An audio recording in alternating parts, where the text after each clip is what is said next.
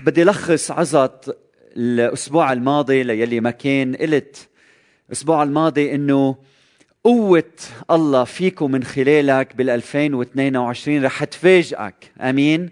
رح تفاجئك لأنه قوة الله قوية جدا.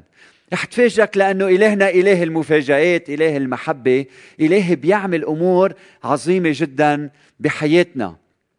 لكن السؤال اليوم المهم جدا هل نحن رح نعطيه المساحة الكافية تيعمل فينا ومن خلالنا أمور عظيمة؟ فانتبهوا لكلمة المساحه الكافية سبيس هل نحن رح نخصص له مساحه من الوقت حتى يشتغل فينا ومن خلالنا؟ هل رح نسمح له إنه ينفرد فينا حتى يحقق فينا ومن خلالنا لحتى ينمينا ويشكلنا ويكبرنا. هل رح نسمح له إنه يعمل هالأمور؟ فينا. فكل شيء أخوتي بيتوقف اليوم على المساحه اللي رح نعطيه إياها. المساحه اللي رح نخصصها له لكي يعمل فينا ومن خلالنا. من أجل ذلك قررنا إنه يكون شعارنا للسنة 2022 هو عند قدميه. لأنه عند قدميه تستنير أذهاننا. لأنه عند قدميه يزهر القلب بالحب. لأنه عند قدميه ينفرد فينا. حتى يشكلنا وينمينا ويخصصنا له مثل ما عمل مع مريم أخت مرتا. فهل نحن مستعدين أخوتي؟ هل نحن مستعدين إنه نعطيها المساحه شو الجواب؟ نعم هل أنا مستعد؟ هل أنا مستعد بوسط النجاح والبحبوحة؟ هل أنا مستعد بوسط الفشل والقلة؟ هل أنا مستعد؟ هل في وسط الضجيج والتشويش؟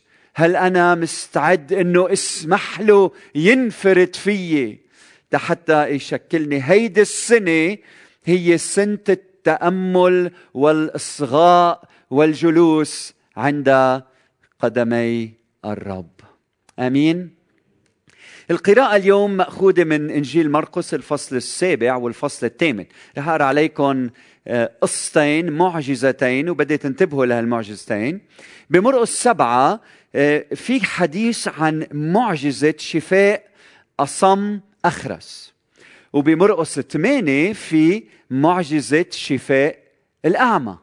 وما بين هودي المعجزتين يلي رح نقريهم في معجزة إشباع الخمسة آلاف يسوع بيشبع خمسة آلاف ومن بعدها بحذر التلاميذ من خمير الفريسيين وخمير هيرودس والخمير يعني تأثير بحذرهم من تأثير الهيرودس الفريسيين وتلاميذ هيرودس وهيرودس واللي بيصير إنه التلاميذ بيقلقوا بيخافوا بينقذوا بخافوا من المستقبل. بيقولوا ما معنا خبز؟ والرب يسوع المسيح بيقول لهم ألكم أعين ولا تبصرون؟ آذان ولا تسمعون؟ وبوسط هالحقيقة هيدي قبل منا في معجزة وبعد منا في معجزة فهلأ اليوم بدنا نقرأ هالمعجزتين ونفهمهم مثل ما لازم. نفهمهم نتأمل ببعض العناصر المشتركة بين المعجزتين لكن قبل ما أقرأ عليكم المعجزتين بدي آه، وصلكم رسالة مهمة لازم تنتبهوا لها بتفسيرنا للمعجزات لما الرب يسوع المسيح بيعمل معجزة بالكتاب المقدس بيعمل معجزة لأنه بيحب الإنسان صح؟ بيعمل معجزة لأنه بده خير الإنسان بيعمل معجزة لأنه بده ملكوت الله يخترق هيدا العالم بالخير وبالصلاح فإلهنا بيعمل معجزة لأنه بحب الإنسان لكن كمان لما بيعمل معجزة أحيانا بيكون في معنى أعمق معنى روحي بجرب يوصله من خلال المعجزة واضح؟ خلينا أعطيكم مثل لما الرب يسوع المسيح دخل سفينة بطرس وعلم التلاميذ بعدين بيقول له لبطرس ابعد عن ال... بعد إلى العمق والقوا الشباك للصيد. وبتعرفوا إنه بطرس تعب كل الليل قال له يا رب تعبنا كل الليل وما طلعنا شيء لكن على كلمتك نلقي الشبكة فألقوا الشباك شو صار؟ طلع سمك كتير بلشوا يسحبوا الشباك بلشت تتخرق دعيوا شركائهم يجوا ويساعدوهم لأنه الثمر كان وافر وكثير وكان في كتير سمك. لما الرب يسوع المسيح عمل هيدي المعجزة عمل معجزة حقيقية لكن في معنى أعمق عم بيساعدنا يسوع نفهمه من خلال المعجزة. لما قال له لبطرس من الآن تكون شو؟ تصطاد الناس. يعني هيدي المعجزة يلي عملها الرب. لا مع بطرس. كان عم بيقول له يا بطرس مثل ما إنه على كلمتي طلعت كتير سمك أيضا على كلمتي رح تتصيد ناس لملكوت الله. فهمتوا علي؟ يعني المعجزة كانت معجزة بكل ما للكلمة من معنى لكن كان في لها معنى أبعد عميق روحي كان التلاميذ عم يفهموا من خلال هالمعجزة أمور روحية عميقة. فمش دايما هيك لكن بكثير من الأحيان بنشوف أنه هالمعجزات لهم بعد روحي. فهلا افتحوا معي إنجيل مرقس الفصل السابع رح أبدأ القراءة من العدد 31 ثم خرج أيضا من أراضي سور والكلام عن يسوع ومر بالصيدا كان ببلادنا قاصدا إلى بحر الجليل جنوبا ومجتازا حدود المدن العشر. فجاءوه بأصم معقود اللسان وطلبوا إليه أن يضع يده عليه. واضح؟ فأخذه فأخذه من بين الجمع على ناحية سطروا هالعبارة عندكم على كتابكم المقدس يلي فاتحينه بين إيديكم. بكلام آخر فانفرد به عن الجمع ووضع إصبعيه في أذنيه ثم تفل ولمس لسانه ورفع نظره نحو السماء وأنى وقال له افث أي انفتح. وللحال انفتحت أذناه.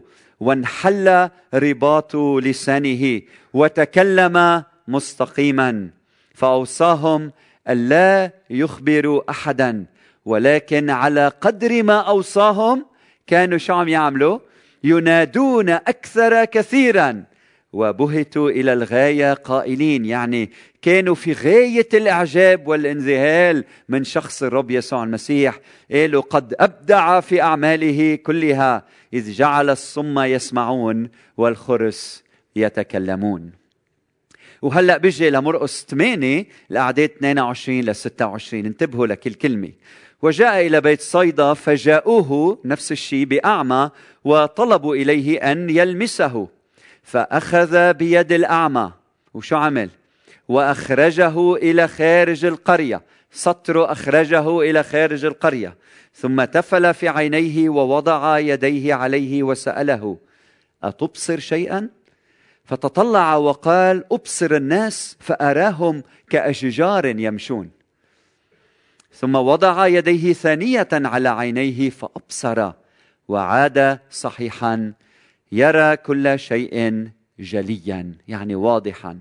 فأرسله إلى بيته وقال له حتى القرية لا تدخلها. روح مباشرة إلى أهل بيتك. أخوتي في تشابه واضح بين هالمعجزتين. وخلينا نلاحظ تسلسل الأحداث لنفهم تماما شو قصد الرب من هالمعجزتين. اولا بنشوف إنه الرب كان موجود بمكان وكان محاط بالناس. في ناس عم تجي في ضجيج ناس بحبوا يسوع عم يجوا عم يسمعوا عم يتعلموا منه. وقادرين أنتم تتصوروا أولاد هالشرق قديش في ضجة بيكون حول زعيم معين صحيح؟ رقم اثنين جاءوه بأصم أخرس بالمعجزة الأولى بالمعجزة الثانية جاءوه بأعمى حدا عندهم مشكلة جسدية بدهم أنه يسوع يلمسه. طيب شو عمل يسوع؟ طلبوا أنه يلمس هالأعمى أو هالأخرس. فشو عمل يسوع؟ أولا شفاه. لا اولا ما شفاه عمل شيء آخر. شو عمل؟ انفرد به. أخذوا لاحظوا بالعدد 33 من الفصل السابع فأخذه من بين الجمع على ناحية يعني انفرد فيه صح؟ وبعدين بالعدد 23 من الفصل الثامن فأخرجه إلى خارج القرية بالحادثتين انفرد بالأخرس والأصم وأيضا بالأعمى فالسؤال يلي بنسأله ليش انفرد فيه؟ شو السبب إنه انفرد بهما؟ والجواب منه موجود بالنص لكن فينا نحن نقدر لأنه بنعرف محبة يسوع إنه انفرد فيه لحتى يخلق هالعلاقة بينه وبينه لحتى يتصل فيه لحتى يقرب المسافة بينه وبينه صح؟ لحتى يقدر يتعامل معه لحتى الأعمى يسمعه منيح لحتى الأخرس يقدر يشوفه منيح ويركز عليه. فيلي عملوا شيء ملفت للانتباه إنه آه، خلق المسيح بطريقة ذكية ابتدع ابتعد ابتعد عن الجموع وتقرب من المحتاج. خلق بعد المسافة بينه وبين الجموع وقرب المسافة بينه وبين المحتاج. خلق مساحة آمنة خالية من الضجيج ليقدر يتعامل معه ليقدر يوصل له رسالة معينة. انتبهتوا؟ وهيدا تماما يلي ربنا عم بيقوله لكنيسة القيامة ولكل واحد منا بال 2022 عم بيقول لك بدي إياك تخلق هالمسافة هالمساحة هالمسافة بينك وبين الجموع تبعدها وتخلق مساحة لإلي لأقدر أنا أتعامل معك وشكلك وخصصك ونميك وحضرك لمستقبل واعد فيي ومن خلالي. أمين؟ فيلي صار هو كتير مهم والتطبيق يسوع عم بيقول عم بيقول لك بدي انفرد فيك. اسمعني منيح بدي انفرد فيك بدي انفرد بكنيستي بدي انفرد بعروستي بدي طلعك هيدي السنة خارج الضجيج. لتسمعني منيح لقلك تماما شو بدي منك وشو بدي منك. طيب شو صار من بعد ما انفرد بهما؟ شو صار؟ شفاهم صح؟ تم الشفاء. بنشوف بالنص إنه انشفوا. وانشفوا مش بس جسديا انتبهوا انشفوا أيضا روحيا. ليه؟ لأنه الأصم من بعد ما سمع وصار يقدر يحكي بنشوف إنه راح هو والجموع تبعه وخلقوا ترنيمة صنعوا ترنيمة ليسوع اسمها أبدع بأعماله بأعماله أبدع. مش هيك؟ بقلنا إلى الصم إلى جانبه يسمعون الخرس معه يتكلمون. وهيدا الإعجاب وهيدا الترتيل إلى يسوع إلى هدف. هيدي بتذكرنا بإشعيا 35 وبتذكرنا بالمسيح اللي جاي. فهالمصطلحات المستخدمة بتذكرنا بأنه هذا الشخص هو يسوع الرب؟ فمن بعد ما عمل معجزة معهم فهموا من هو يسوع. ونفس الشيء صار مع بشفاء الأعمى. مباشرة من بعد شفاء الأعمى يسوع في الطريق مع التلاميذ. بيسأل التلاميذ من يقول الناس عن ابن الإنسان؟ بعدين ماذا تقولون أنتم؟ وبيعلن بطرس هنا أنت هو المسيح مسيح الله المسيح ابن الله الحي صح؟ فصاروا يفهموا التلاميذ أكثر فأكثر بالروح القدس من هو يسوع المسيح. والدرس هنا لحتى تفهم من هو يسوع يسوع بده يشفيك. ولحتى يسوع يشفيك بدك تسمح له ينفرد فيك. ولحتى ينفرد فيك بدك تجي لعنده أو حدا بدك يجيبك لعنده. وأنا اليوم عم جيبك لعند يسوع. وعم جيب كنيسه القيامه كلنا مع بعض لعند يسوع من جديد لحتى ينفرد فينا لحتى يشفينا ولحتى يعلن ذاته لنا بطريقة جديدة بال 2022 ولا مرة فهمناها ولا مرة تصورناها بهذا الشكل. آمين؟ هيدا شعارنا هيدا هدفنا هيدي رسالتنا لل 2022 في شيء مهم جدا صار بالمعجزة بدي كمان تنتبهوا له. بشفاء الأعمى صار شيء غريب ولا مرة بنشوفه ولا مرة يسوع عمله بهيدي الطريقة. هو إنه شفى الأعمى شفى الأعمى على مرحلتين. انتبهتوا شيء لهالقصة شي مرة؟ يعني اجى لعنده الأعمى أخذه طلعه خارج القرية وبعدين كأنه حاول إنه يشفيه سأله شو عم بتشوف؟ اطلع شاف الناس كأشجار يمشون يعني كأنه عم بيشوف الناس مثل ما أنا بشوفهم بلع وينات. ها مش قادر يشوف ملامحهم مزبوط. بعدين يسوع عمل المعجزة مره ثانية بيقول لمسه ثانية وقال له شو عم تقشع؟ قال له صار عم يقشع كل شيء جليا، لاحظتوا؟ والبعض بيقلنا إنه يسوع هون فشل ما زبطت معه أول مرة، استعمل قوته لكن كانت جزئية، جرب يشفي، ما انشفى بالكامل، رجع عملها مرة ثانية وشفي.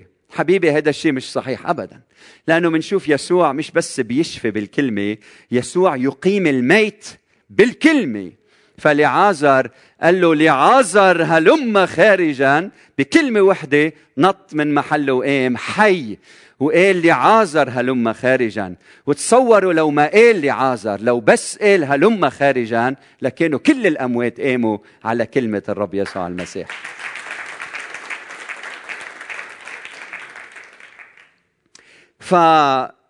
فالسؤال هنا ليه يسوع عمل هيدي المعجزة على مرحلتين؟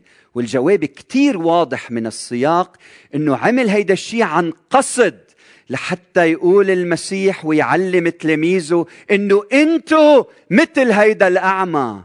عم عندكم إبصار متدرج. أنتوا عم تقشعوا الحقيقة رويدا رويدا. عم تكتشفوا أنا مين شوي وشوي. عم بقول أنتوا مثل هالاعمى ليه؟ لأنه مباشرة قبل هيدا بقول لهم عندكم عيون وشو؟ ومش عم تقشعوا ها؟ وهلأ أخذ هيدا الأعمى وكأنه في صعوبة إنه يقشع. وهيدي علامة إنه أنتم يا تلاميذ أنتم مثل هالأعمى عميان. وهلأ صار في إبصار متدرج ليجي الوقت يصير عندكم إبصار واضح ومس وتقشعوا الأمور بطريقة جلية وواضحة. فأنتم مثل هذا الأعمى. فالدرس هنا إنه التلاميذ صاروا يفهموا شوي شوي من هو يسوع. بعدين قالوا أنت هو المسيح مش هيك؟ ماذا يقول الناس عن ابن الإنسان؟ أنت إيليا أنت نبي من الأنبياء. ها؟ إبصار جزئي وعي جزئي. وبعد شوي أنت هو المسيح ابن الله الحي. صار في إبصار كامل ها؟ والتلاميذ كانوا بهالمخاض هيدا عم ينموا ليكتشفوا من هو الرب يسوع المسيح. حتى لما قالوا هو المسيح كانوا مفكرين في قائد عسكري. كان عندهم بعد جهل إنه المسيح جاي حتى يعلق على الصليب. لأنه مباشرة من بعد هذه الحادثة لما يسوع قال إنه هو سيصلب ويموت ويقوم شو عمل بطرس؟ انتهر يسوع. قال له لا شو هالحكي؟ المسيح ما بيصير في هيك. قال له اذهب عني يا شيطان.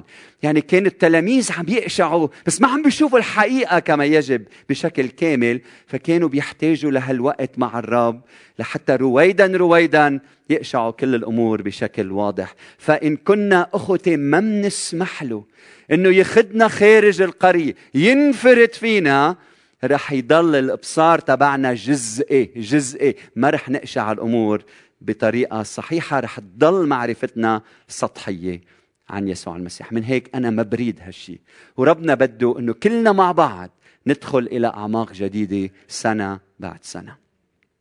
هون عندي ملاحظة كمان كمان مهمة بالعدد 17 بيقول لماذا تفكرون أن ليس عندكم خبز؟ يسوع عم بيقول لتلاميذه من بعد ما أشبع الخمسة آلاف ها ركزوا معي. ألا تشعرون بعد ولا تفهمون؟ أحتى الآن قلوبكم غليظة؟ ألكم أعين ولا تبصرون؟ ولكم آذان ولا تسمعون ولا تذكرون؟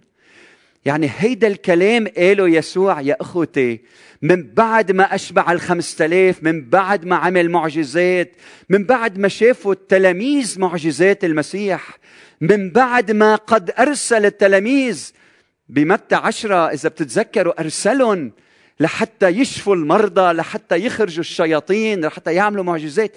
فاختبروا كل هودي وكان بعد قلوب غليظة. يا لقساوة قلب الإنسان. وهون الدرس إنه نعم نحن بنعرف نعم نحن منحب نعم الرب عمل معنا معجزات وعمل معنا بركات وشفتوا البركات تبع ال 2021 وهلأ بعدنا مخلصين مكتبة سميناها مكتبة القس غسان خلف لأنه هودي كتبوا لحتى نقدر ندرس أكثر ونتعمق بالكلمة. نعم نحن منحب الرب نعم منعرف عن الرب ومنعرف الرب واختبرناه وسنين نحن معه وعندنا كثير من الاكتشافات. ها واختبرناه. لكن يريدنا إنه نختبر بعد أكثر أن نرى كل شيء جليا. بده منا بعد إنه ينحل رباط لساننا نتكلم بوضوح وبجرأة لأصحاب الرياسات والسلاطين ونعمل اختراق بالمجتمع ونعيش وفق مشيئته بشكل كامل لأنه عندنا ضعفاتنا وأخطائنا. بده إيانا بعد ننمى ونأثر على الكثيرين. وبده إيانا إنه نكون بشهادتنا أقوى من أي شيء آخر. فكر بكيف بدنا نخترق هذا العالم. ما فينا نخترقه إلا بشهادة الرب يسوع المسيح. وبده هيدي الشهادة تقوى بحياتنا ليكون تأثيرنا بعد أكبر وأعظم.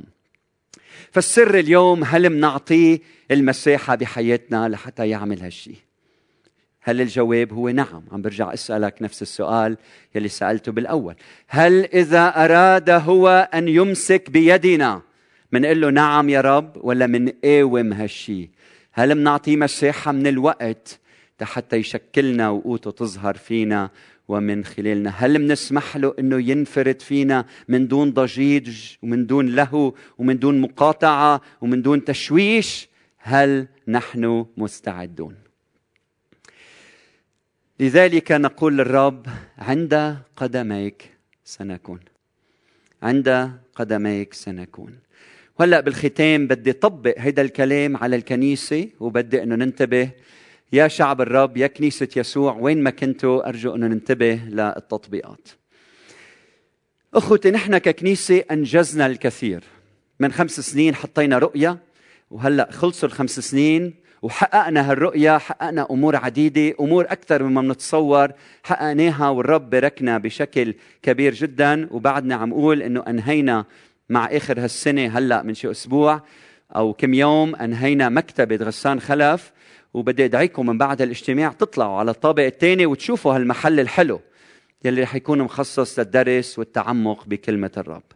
فالكنيسة أخوتي لما بتكبر ولما خدامها بينجحوا أحيانا الناس ما بتعرف سبب النجاح ما بتعرف سبب النجاح. وننسى أحيانا إنه سبب النجاح ما لا تراه الناس. الناس بتشوف النجاح بس الناس ما بتشوف كيف حتى نجحنا شو سبب النجاح؟ فأيام مننسى إنه وراء كل هالأعمال في خدام مثلكم في قادة مثلكم في رعاة في راعي في خادم يلي عم بالخفاء عم بيسكب حياته قدام الرب وعم يدرس كلامه وعم ما يضيع وقته اطلاقا عم بيوسع جذوره عم بينمي خبراته الروحية عم بيعمق شركته مع الله فنجحت خدمته. فأحيانا نحن ما بننتبه لهالشيء ومنفكر بس ومنشوف النجاح. عم بحكي عنكم كخدام. أنتم يلي ما عم تضيعوا ولا دقيقة من عمركم وعم تصرفوا حياتكم بالخدمة. فأحيانا نحن اللي بيصير معنا إنه بدنا نشترك بالنجاح وبدنا اسمنا يرتبط بالنجاح لكن ما عنا الاستعداد إنه نشترك بالنهج الشاق يلي اتبع لتحقيق النجاح. فالنجاح هو ثمرة مسيرة شاقة من الأفعال المضحية والهادفة يلي بتحقق النجاح. فنحن أحيانا بدنا الثمرة وما بدنا المسيرة الشاقة يلي بتأدي للنجاح. فهمتوا علي؟ من هيك الرب عم بيذكرنا إنه النجاح بيتطلب هيدا النهج يلي لازم دايما تبعه. فيلي بيحدث أحيانا إنه الكنيسة لما بتكبر بيجي أشخاص جداد وبيصيروا بده يفوتوا وينخرطوا بالخدمة وبيبلشوا يخدموا وبيبدأوا يشتركوا بالعمل لكن بسبب إنه ما في جذور قوية للبعض لأنه عم بيشوف النتائج ما عم يعرف شو في خلف الكواليس من تكريس وصلاة ودرس وشغل وتضحية. اللي بيصير إنه بده يشترك بهالعمل وبفوت لكن لأنه ما في جذور قوية لما بتعصف الرياح وبتاتي التجارب والتحديات شو بيصير فيه هيدا الراعي والخادم والقائد؟ بيسقط وبيكون سقوطه عظيم جدا. فالكنيسة النامية الناجحة في خطر أنه تنسى سبب نجاحها وتلتهي بالنجاح فبيكون مصيرها الموت. من هيك الكنيسة مهم تتذكر هالأمور. نحن من حوالي شهر حطينا خطة لخمس سنوات اللي جايين. شو بدنا نحقق؟ وأنا مسؤوليتي إني أذكركم إنه الجذور هي أصل الثمر والنجاح. من أجل ذلك هيدي السنة بدنا نتجذر أكثر لحتى تنمى الشجرة أكثر فأكثر وتحقق الكثير من خلال أغصانها الخضراء والثمر اللي فيها.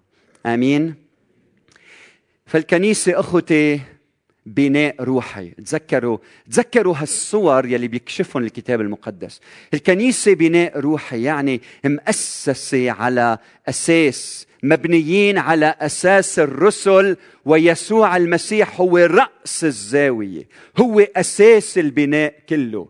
فالبناء ما له قيمة من دون الأساس. إذا الأساس موجود هو اللي بيعطي قيمة للبناء. المؤمن مثل رجل عاقل بقول الكتاب يبني بيته على الصخر. قوة البناء بالصخر اللي فيه. ومن دون الصخرة قد ما يطلع البناء لابد له وأن ينهار. يسوع بقول أنا أبني كنيستي. فمن دون ما أنه يسوع يكون أصل البناء لا حياة للبناء. أخوة الكنيسة بقول الكتاب المقدس جسد. نحن جسد المسيح يعني نحن أعضاء يسوع هو الرأس هو القائد هو الموجه هو الأساس هو يلي بيحرك الأعضاء هو يلي بياخد كل عضو وبشكله بنميه على طريقته. وكل عضو منا بياخد أوامره من الرأس الرب يسوع المسيح. وإذا انفصل عضو عن الرأس يموت. الكنيسة أخوتي هي رعية وإلها راعي واحد وهيدا الراعي لما بيحكي بنسمع خرافي تسمع صوتي. خرافي مش يعني الراعي فقط يعني الراعي والقاضي والخدام والأعضاء وكل واحد. بهالكنيسة هو خروف من خرافه. نحن رعيته هو الراعي الأول وخرافي تسمع لصوتي. يعني كل تلميذ لا يمكن أنه نتبع يسوع من دون ما نسمع لصوته. فإذا ما مننفرد فيه ومنسمع لصوته ما فينا نتبعه حق اتباع.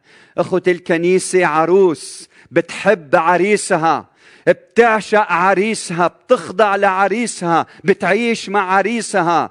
لا يمكن إن تكون العروس عروس المسيح وما تعيش مع المسيح وتقضي وقت معه. لو عم تفلح كل نهار كله ما له قيمة إذا مش عاشقة عريسها وهالسنة بدنا نعشق عريسنا الرب يسوع المسيح. المؤمن المؤمن كشجرة مغروسة عند مجاري المياه بيغلب العالم بينتصر يثمر بيكون شجرة خضراء بيحمي العالم من شعاع الشمس من من الحريق. وهيدا الشيء حقيقة إذا الجذور تستقي من مجاري المياه من الروح القدس من الحياة مع الله. ومن دون لو شجرة بيجي وقت وبتيبس الشجرة وتقع. أخوة الكنيسة مثل سفينة. وما دام يسوع عايش في السفينة السفينة بأمان. نايم واعي مش مهم. حسب كيف بده يعلمنا وينمينا لكن حضوره بالسفينة هو أساس استمرارية السفينة. ولا العاصفة فيها عليها ولا الأمواج ولا الشياطين ولا الأبالسة ولا الحياة ولا حدا. إذا يسوع في وسط السفينة. أخوة الكنيسة هيكل. يسوع يسكن في هيكله. قيمة الهيكل برب الهيكل. ولما رب الهيكل يفارق الهيكل انتهى الهيكل. فنحن اليوم بدنا نتجذر بدنا بدنا ننفرد برب الهيكل تنكون حجارة حية بهيكل مقدس. الكنيسة أخوتي مثل ولد عنده خمس ترغفة وسمكتين. الموارد الكنيسة هن الخمس ترغفة والسمكتين إذا ما منجيبهم باستمرار ومنطرحهم عند أقدام السيد ولا فينا نشبع الجموع ولا فينا نعمل تغيير بالمجتمع يلي عم نعيش فيه. أخوتي الكنيسة عيلة. وكلنا إخوة وأخوات ما حدا أكبر من حدا. كلنا أولاده. هو تبنينا كلنا. عنا معلم واحد هو الرب يسوع المسيح. له نسمع له نخضع له نطيع. هو أساس هالأخوة وحفظها. وما في شيء بيصير من دونه. هو قدامنا كلنا وكلنا عينينا على شخصه. ولما منعطي آه، ربنا مساحة بحياتنا كل شيء بيزبط. ولما ما نعطيه مساحة لو عم تخدم ليل نهار بتخرب حياتك بتخربي حياتك. شو بيصير أخوتي لو طردنا يسوع من السفينة لأنه ما بقى له محل؟ شو بيصير بالسفينة؟ شو بيصير أخوتي إذا التهينا بالبناء والجمال ونسينا الأصل الأساس الصخرة؟ شو بيصير؟ شو بيصير فينا لو شفنا إنه هالخمس ترغفه اللي عنا شيء كبير؟ ولشو بدنا نعطيهم ليسوع؟ ما صاروا كتار. هل فينا نطعم الجموع؟ شو بيصير فينا لو التهينا بأمور تانية؟ شو بيصير لو العروس تركت بيت عريسها شو بيصير فيها للعروس؟ شو بيحدث للهيكل الجميل إذا تركوا رب الهيكل؟ شو بيحدث للإخوة إذا التهوا ببعضهم؟ وبالمراكز ونسيوا المعلم. شو بيصير بالتلاميذ؟ شو بيصير بأغصان الشجرة إذا جفت جذورها؟ من هيك اليوم بدي أدعيكم تتبنوا هيدا الشعار عند قدميه هالسنة. هالسنة مش مهم قديش بتعمل مهم وين رح تكون. قلبك وين رح يكون؟ Your being كيانك. عند أقدام الرب يسوع المسيح. ورح نتعلم عمليا كيف نعمل هالأمور بطريقة عملية من خلال نشاطات مش ضروري على المنبر كل نهار أحد لكن رح تسمعوا بمجموعاتكم وبطرق عديدة رح نفتح مجالات لحتى نكون عند قدميه بهدف إنه نخلق مساحة آمنة مريحة ونقية وصافية تا الله يشتغل فينا ويشكلنا كلنا كلنا.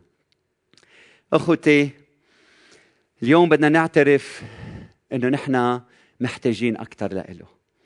اليوم بدنا نعترف بقيمة اللي عم نقوله إنه عند قدميه أفضل مكان لحتى يشكلنا ويفيض فينا ومن خلالنا في وسط العالم.